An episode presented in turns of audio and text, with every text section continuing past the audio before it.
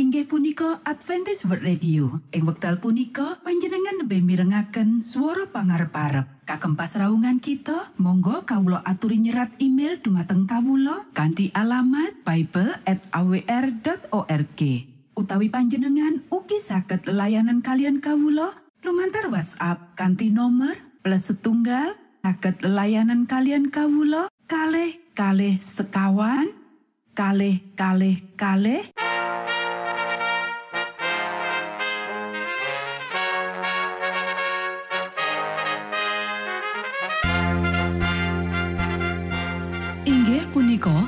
Adventist World Radio ingkang giaran kanti basa Jawi. Tentrem Rahayu kula aturaken kagem para mitra kinasih ing pundi papan lan panggonan. Sugeng pepanggian malih kalian Adventist World Radio. Kandi bingahing manah Kulo badi sesarengan kalian poro mitra kinasi. Lumantar saperangan adicara ingkang sampun rinonci. Mligi kagem panjenengan sami. Mugi giaran punika saged migunani tuen dados berkah kagem kita sedoyo. Sugeng midhangetaken Gusti amberkahi.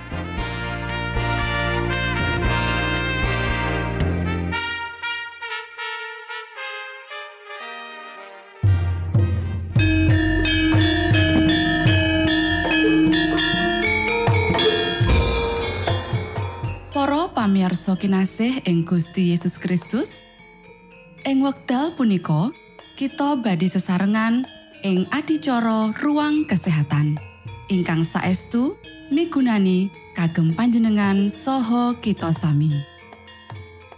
Tips utawi pitedah ingkang dipun aturaken ing program punika tetales dawuhipun Gusti ingkang dipunnyatakaken ing kitab suci. Semanten ugi sakehing seratan ingkang dipun wangsitaken dening Gusti Allah. Nanging saderengipun, monggo kita sami midhangetaken kidung pujian.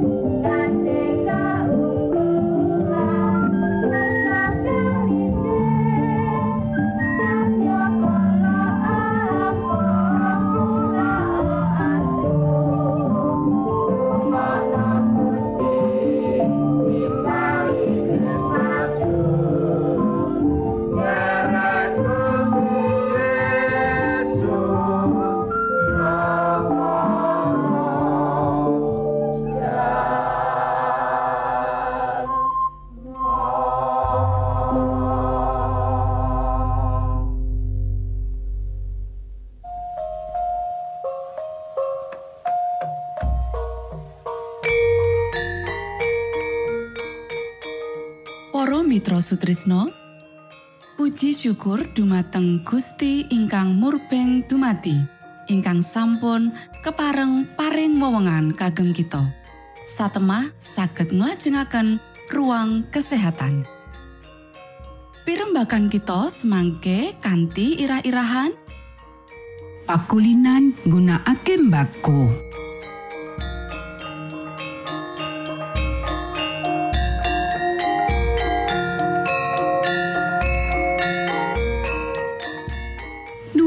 Dumateng para pamiarsa ingkang dahat kinurmatan. Sugeng pepanggihan malih kalian kula Isti Kurnaidi ing adicara Ruang Kesehatan.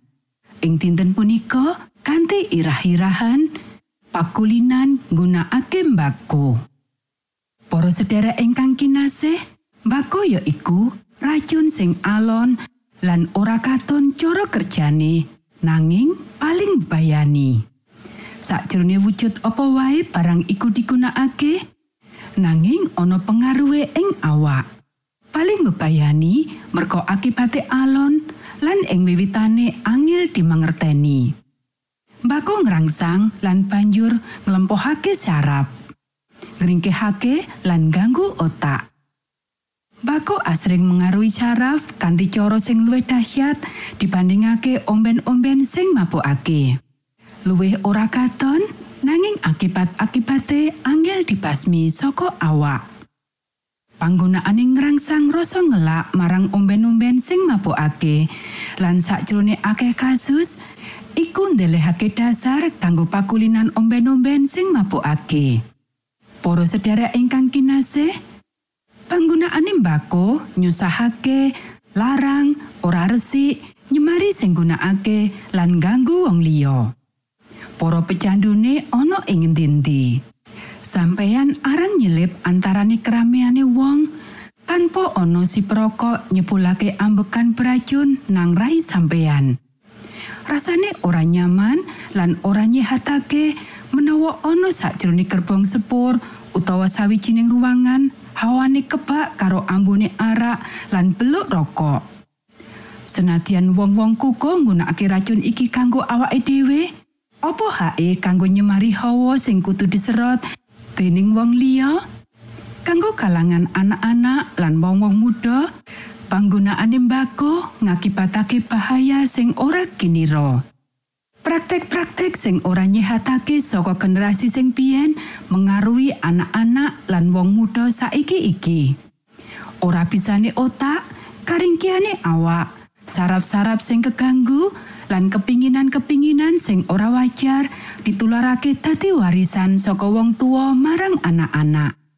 lan praktek-praktek sakrupa sing diterusake dening anak-anak ningkatake lan ndawakake akibat-akibat sing ala. Akibate ora cilik kemrosotan awak, mental lan moral nganti dadi sawijining tondo bebaya. Anak-anak lanang mulai nggunakake mbako sajroning umur sing banget enom. Pakulinan iku kabentuk nalika awak lan pikiran banget gampang kegawa marang pengaruhe ngrongrong kekuatane awak, gawe awak tadi kunting, bios pikiran, lan ngrusak moral. Nanging apa sing bisa dilakokake kanggo mulang anak-anak lan wong muda iki ngenani alane sawijining praktek sing dicontohake dening wong tua, guru lan pendeta? Anak-anak lanang sing isih cilik, sing lagi wae bisa ngliwati wektu kanak-kanak, mungkin wae katon lagi nyerot rokok. menawa ana wong negur dheweke bakal wangsulan. Bapakku uga ngrokok. Dheke nuding marang pendito utawa guru agama lan ngomong, "Wong iku yang ngrokok. Apa bebayane menawa aku uga ngrokok kaya dheweke?" Para sederek, akeh juru karyo sakjroning bidang pertarakan nanging kecanduan gunakake mbako. Apa kuasane wong kaya ngono iku kanggo bisa nahan kemajuan ora pertarakane? Merga si tukang ngombe lan si pelahap dadi melarat lan ngantuk, gawe wong nganggo sandangan amoh. Aku pitakon marang dheweke sing aku percaya lan nuruti sabda Allah, Apa bisa kowe dadi wong Kristen manjakake pakulinan sing lempohake kecerdasanmu lan ngrampas kuasamu sing bener kanggo biji kanyatan-kanyatan sing langgeng? Apa bisa kowe ngrampok Allah saben dina pelayanan sing kutune kagungane lan ngrampasi pepadane manungsa? Becik pelayanan sing kudu mbok wenehake lan kapisan kanggo dadi tulodo? Apa kowe tahu mertimbangake tanggung jawabmu dadi penatalayan penatalayan Allah kanggo bondo sing ana ing tanganmu? Sepiro akeh duwite Gusti sing mbok belanjakake kanggo tuku mbako? Etungen piro cacahe sak suwene uripmu? Bandingno cacah sing dientekake dening nepsu sing rusak iki karo apa sing kowe wis wenehake kanggo nulung wong mlarat lan nyebarake Injil? Para sedherek ingkang kinasih, ora ana titah manungsa sing merlokake mbako. Nanging akeh wong tiwas amarga kekurangan duit akibat penggunaane luwih ala maneh timbangane dibuang. Apa ora kowe wis nyalahgunakake kagungane Gusti? Apa ora kowe luput wis ngrampok Allah lan pepadamu menungsa? Apa kowe ora ngerti menawa kowe dudu tuwekmu dhewe? Amarga iku mulyakno Allah kanthi awakmu. Matur nuwun, Gusti amberkahi.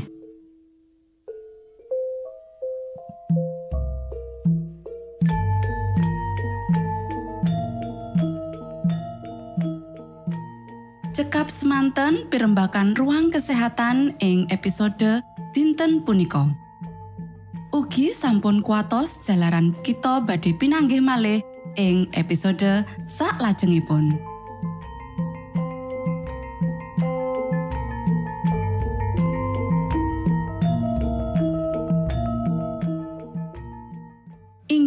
Punika adicara ruang kesehatan.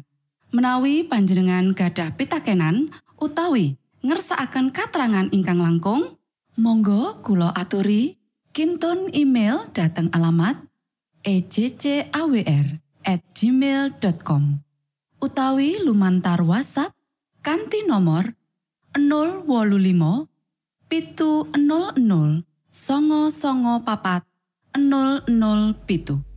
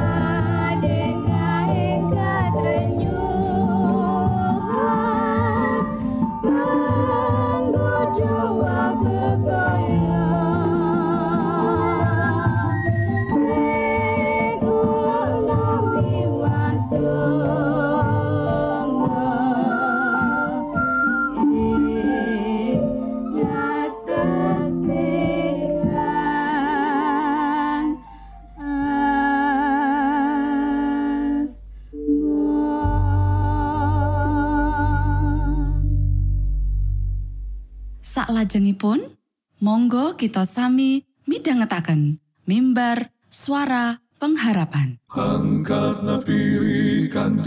Pawarto Sang Kristus paderamu Pro umat samyo puji asmanyo Sang Kristus paderamu Inggih punika mimbar suara pengharapan. Ing episode punika kanthi irah-irahan Gereja wiwitan lan sakwernane zona nyaman. sugeng midhangetaken. Minangka tondo Sang Kristus paderamu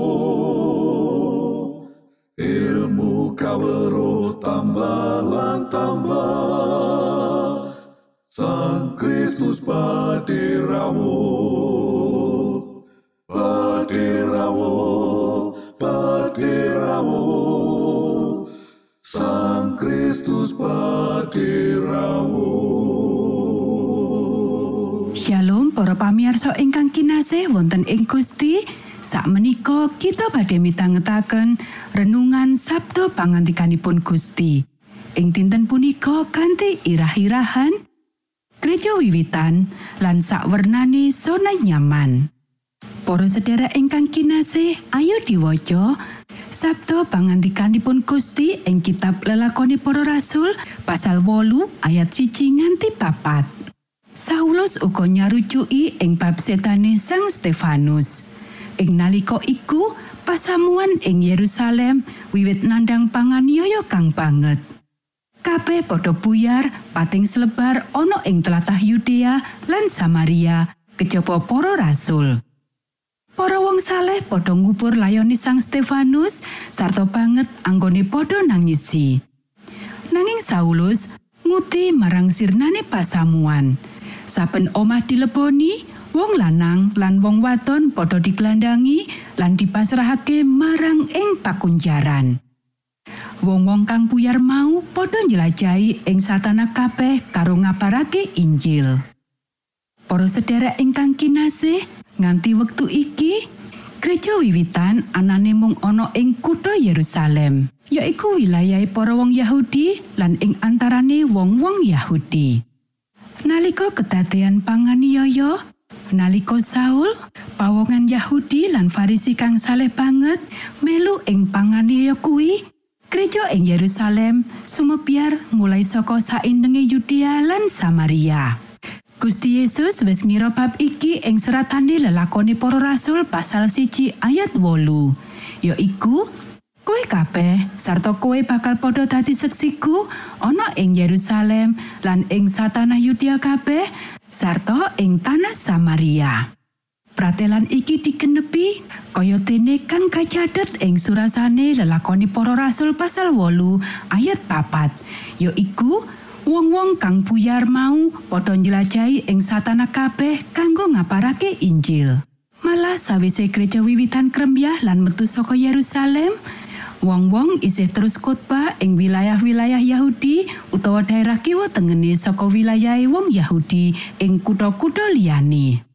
Ing surasane lelakoni para rasul pasal 11 ayat songo ana potensi menawa gereja kuwi sumebyar ing saindenge Finisia utawa Libanon lan Siprus.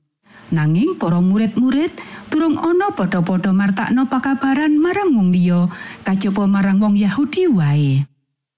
Para murid Gusti Yesus lan uga gereja wiwitan ora nduweni tujuan kanggo nyawang wong-wong sak Yahudi mung wong Yahudi wae kang marep marang Gusti Allah. Wong-wong isih nduweni pandangan kang sempit menggawe misi gereja iki. Para sederek, Rasul Petrus uga murid saka Gusti Yesus lan kaanggep tokoh kang penting saka gereja kang wiwitan iki nolak kanggo nggawa pakabaran Injil metu marang wong kang dudu Yahudi. Malah sawise Rasul Paulus miwiti numindaki kasebut, Rasul Petrus misuwur dadi rasule wong tetak utawa sunat ya iku wong Yahudi. Lan Rasul Paulus kaanggep rasule wong kafir. Kita bisa maca ing kitab Galatia pasal siji ayat 11 lan rolas. Para sederek, Nanging Gusti Allah kagungan karso nuntun Rasul Petrus metu saka zona nyaman lan ngubah krentek atine. Banjur slirane sadar lan miwiti sinau babagan opo kang sabenere ana ing sajroning amanat Injil lan opo kang pengin digayuh dening setaning Sang Kristus kanggo saindenging jagat iki. Monggo kita sami ndedonga. Duh Rama kawula ingkang wonten ing swarga, asma patuko mugi kasucikaken. Kraton patuko mugi rawuh. Karso patuko mugi kalampahan wonten ing bumi kados dene wonten ing swarga. Kawula mugi kaparingan rejeki kawula sak cekapipun ing dinten punika. So patuko mugi ngapunten kalepatan kawula kados dene kawula inggih ngapunteni tetiang ingkang kalepatan dhateng kawula. Punapa dene kawula mugi sampun ngantos katandukaken dhateng ing panggoda nanging mugi sami patuko uwalaken saking piawon. Awit dene patuko ingkang kagungan kraton saha wisesa tuwin kamulyan salami-laminipun. Amin.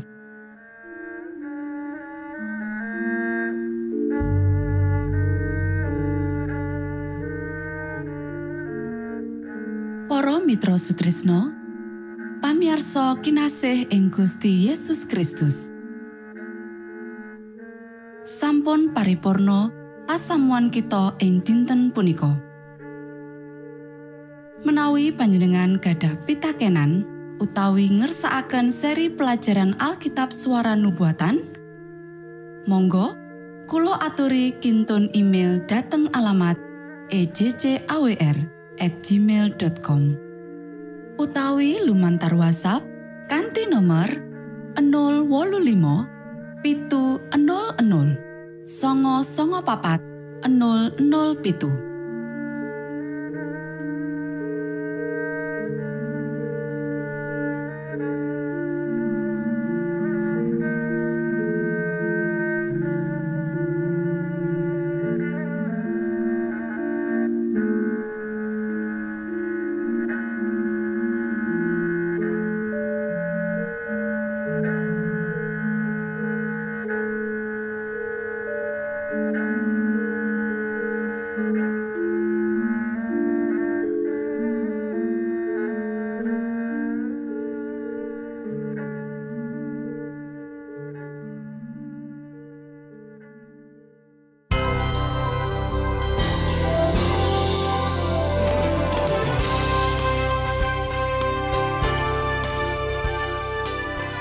Matur nuwun kagem wektalipun kita badhe pinanggih malih ing gelombang ugi wekdal ingkang sami.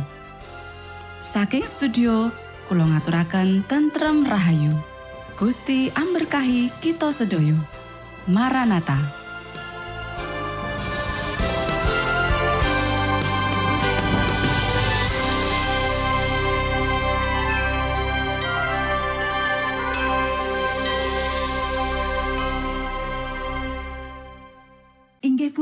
Adventist World Radio. Ing wekdal punika panjenengan lebih mirengaken swara pangarep-arep. Kagem pasraungan kita, monggo kawula aturi nyerat email dumateng kawula kanthi alamat bible@awr.org. Utawi panjenengan ugi saged layanan kalian kawula lumantar WhatsApp kanthi nomor plus setunggal saged layanan kalian kawula kalih kalih sekawan kalih kalih kalih